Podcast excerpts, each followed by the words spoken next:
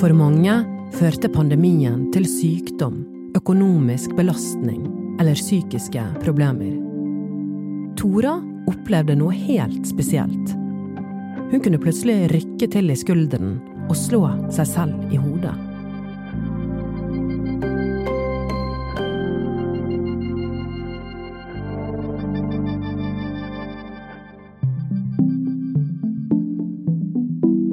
Jeg er 26.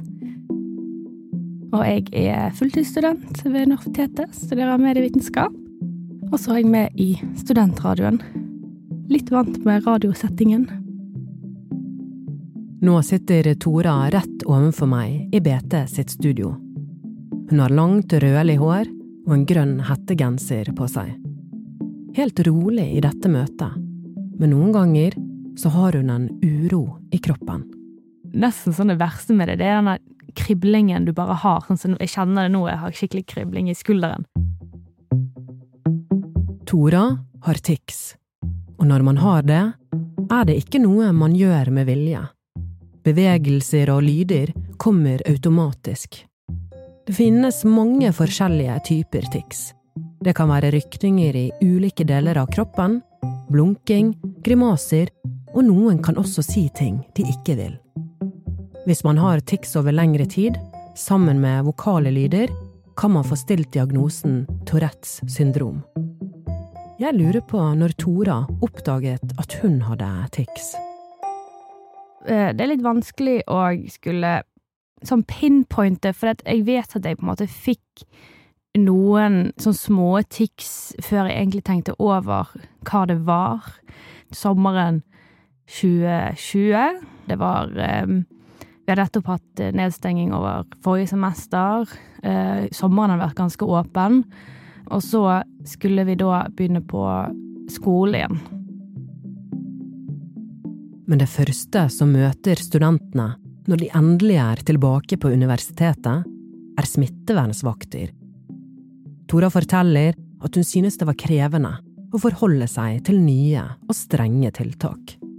Så det var mye med det å begynne på skole igjen, hvor jeg, jeg var, følte litt at jeg kunne ikke heller bare vært hjemme hvis det skal være så mye regler, for jeg var så redd for at det hele tiden man skulle gjøre noe feil eller plutselig bli smittet fordi jeg skulle absolutt være på skolen.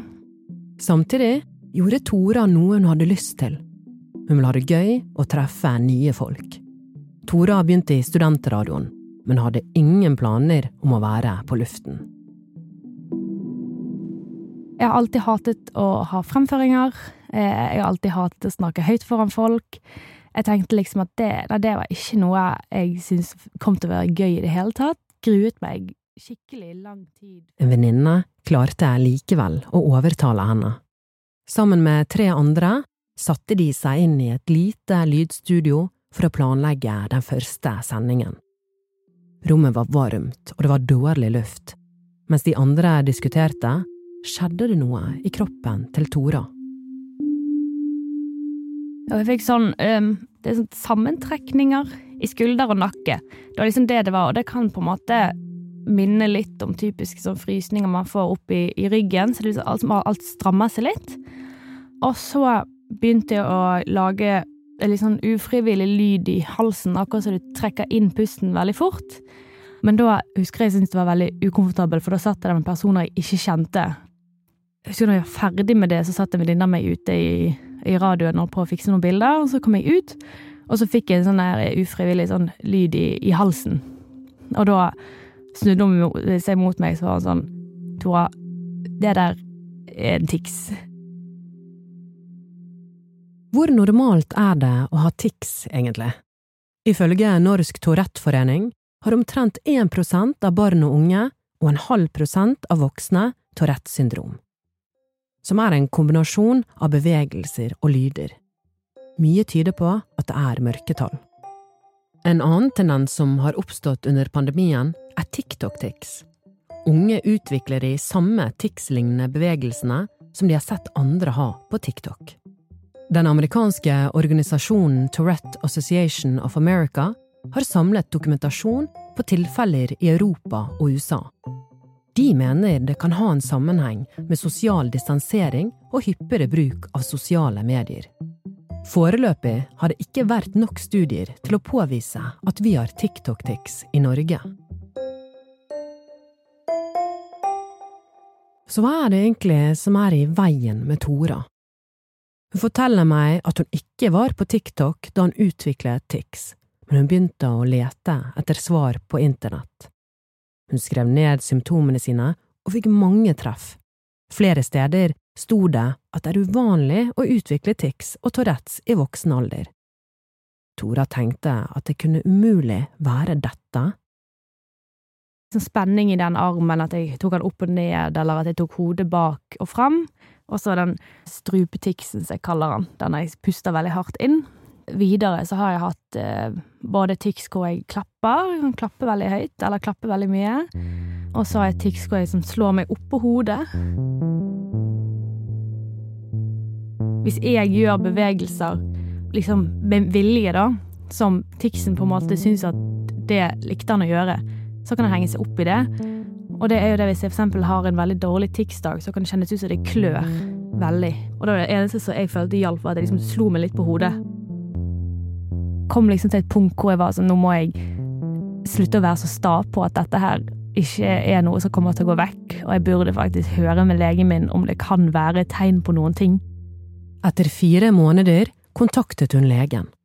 Tora ble henvist til nevrolog for å sjekke at hun ikke hadde noen nerveskader. Og det husker jeg, jeg synes det var en veldig vanskelig periode, det å liksom ikke vite noe. Og på det tidspunktet gikk jeg også til psykolog og sammen for å se om det kunne hjelpe å snakke om det, for jeg var litt sånn uh, usikker på om um, Hvis det var noe mentalt som hadde gjort det, hvis jeg var en person som Hvis jeg stresser eller tenker veldig mye på ting uten å egentlig tenke over det, at det er liksom noe underliggende som gjør at jeg stresser.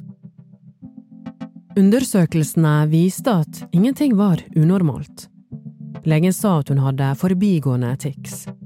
Men da hun ble henvist til OCD-teamet i Helse Bergen, som behandler pasienter med tvangslidelser og tics, fikk Tora diagnosen tics og Tourettes syndrom. Jeg har snakket med psykolog, spesialist og leder for OCD-teamet i Bergen. Solveig Harila Skjold. Hun bekrefter at de ikke vet noe om hvorfor Tora har utviklet Tourettes i voksen alder. Når Tora nå ser tilbake på opplevelsen i det tette lydstudioet i studentradioen, med en pandemi herjende utenfor, tror hun at stress kan ha vært en utløsende årsak. Skjold sier at stress er noe som kan trigge tics ut ifra det jeg har lært nå på det kurset jeg går på, så er det det at man kan ikke kvitte seg med Tourettesen, men man kan lære seg å minimere den. Ifølge Norsk Tics- og Tourette-forening så er det vanligste at tics oppstår i barneårene. De aller fleste som har diagnosen, får symptomer før de er fylt 14 år. De som får diagnosen i voksen alder, har kanskje hatt tics som barn, så forsvinner de, og så kan de komme tilbake seinere i livet. Tora kan ikke huske at hun hadde tics som barn. Hun bare håper behandlingen kan gi henne svar på hvorfor kroppen oppfører seg slik den gjør.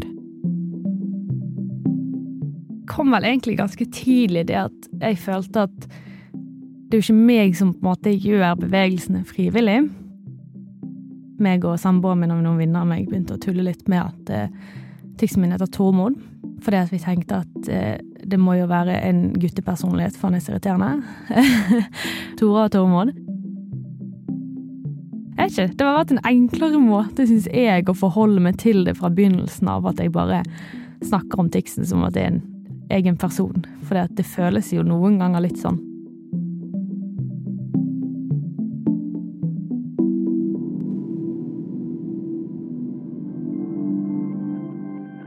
Hva skjedde? er en podkast fra Bergens Tidende. Denne episoden er laget av Anna Offstad, Henrik Svanevik, Helene Alsaker og meg, Anna Magnus. Har du tilbakemeldinger, send oss gjerne en e-post. På hva skjedde? at bt.no.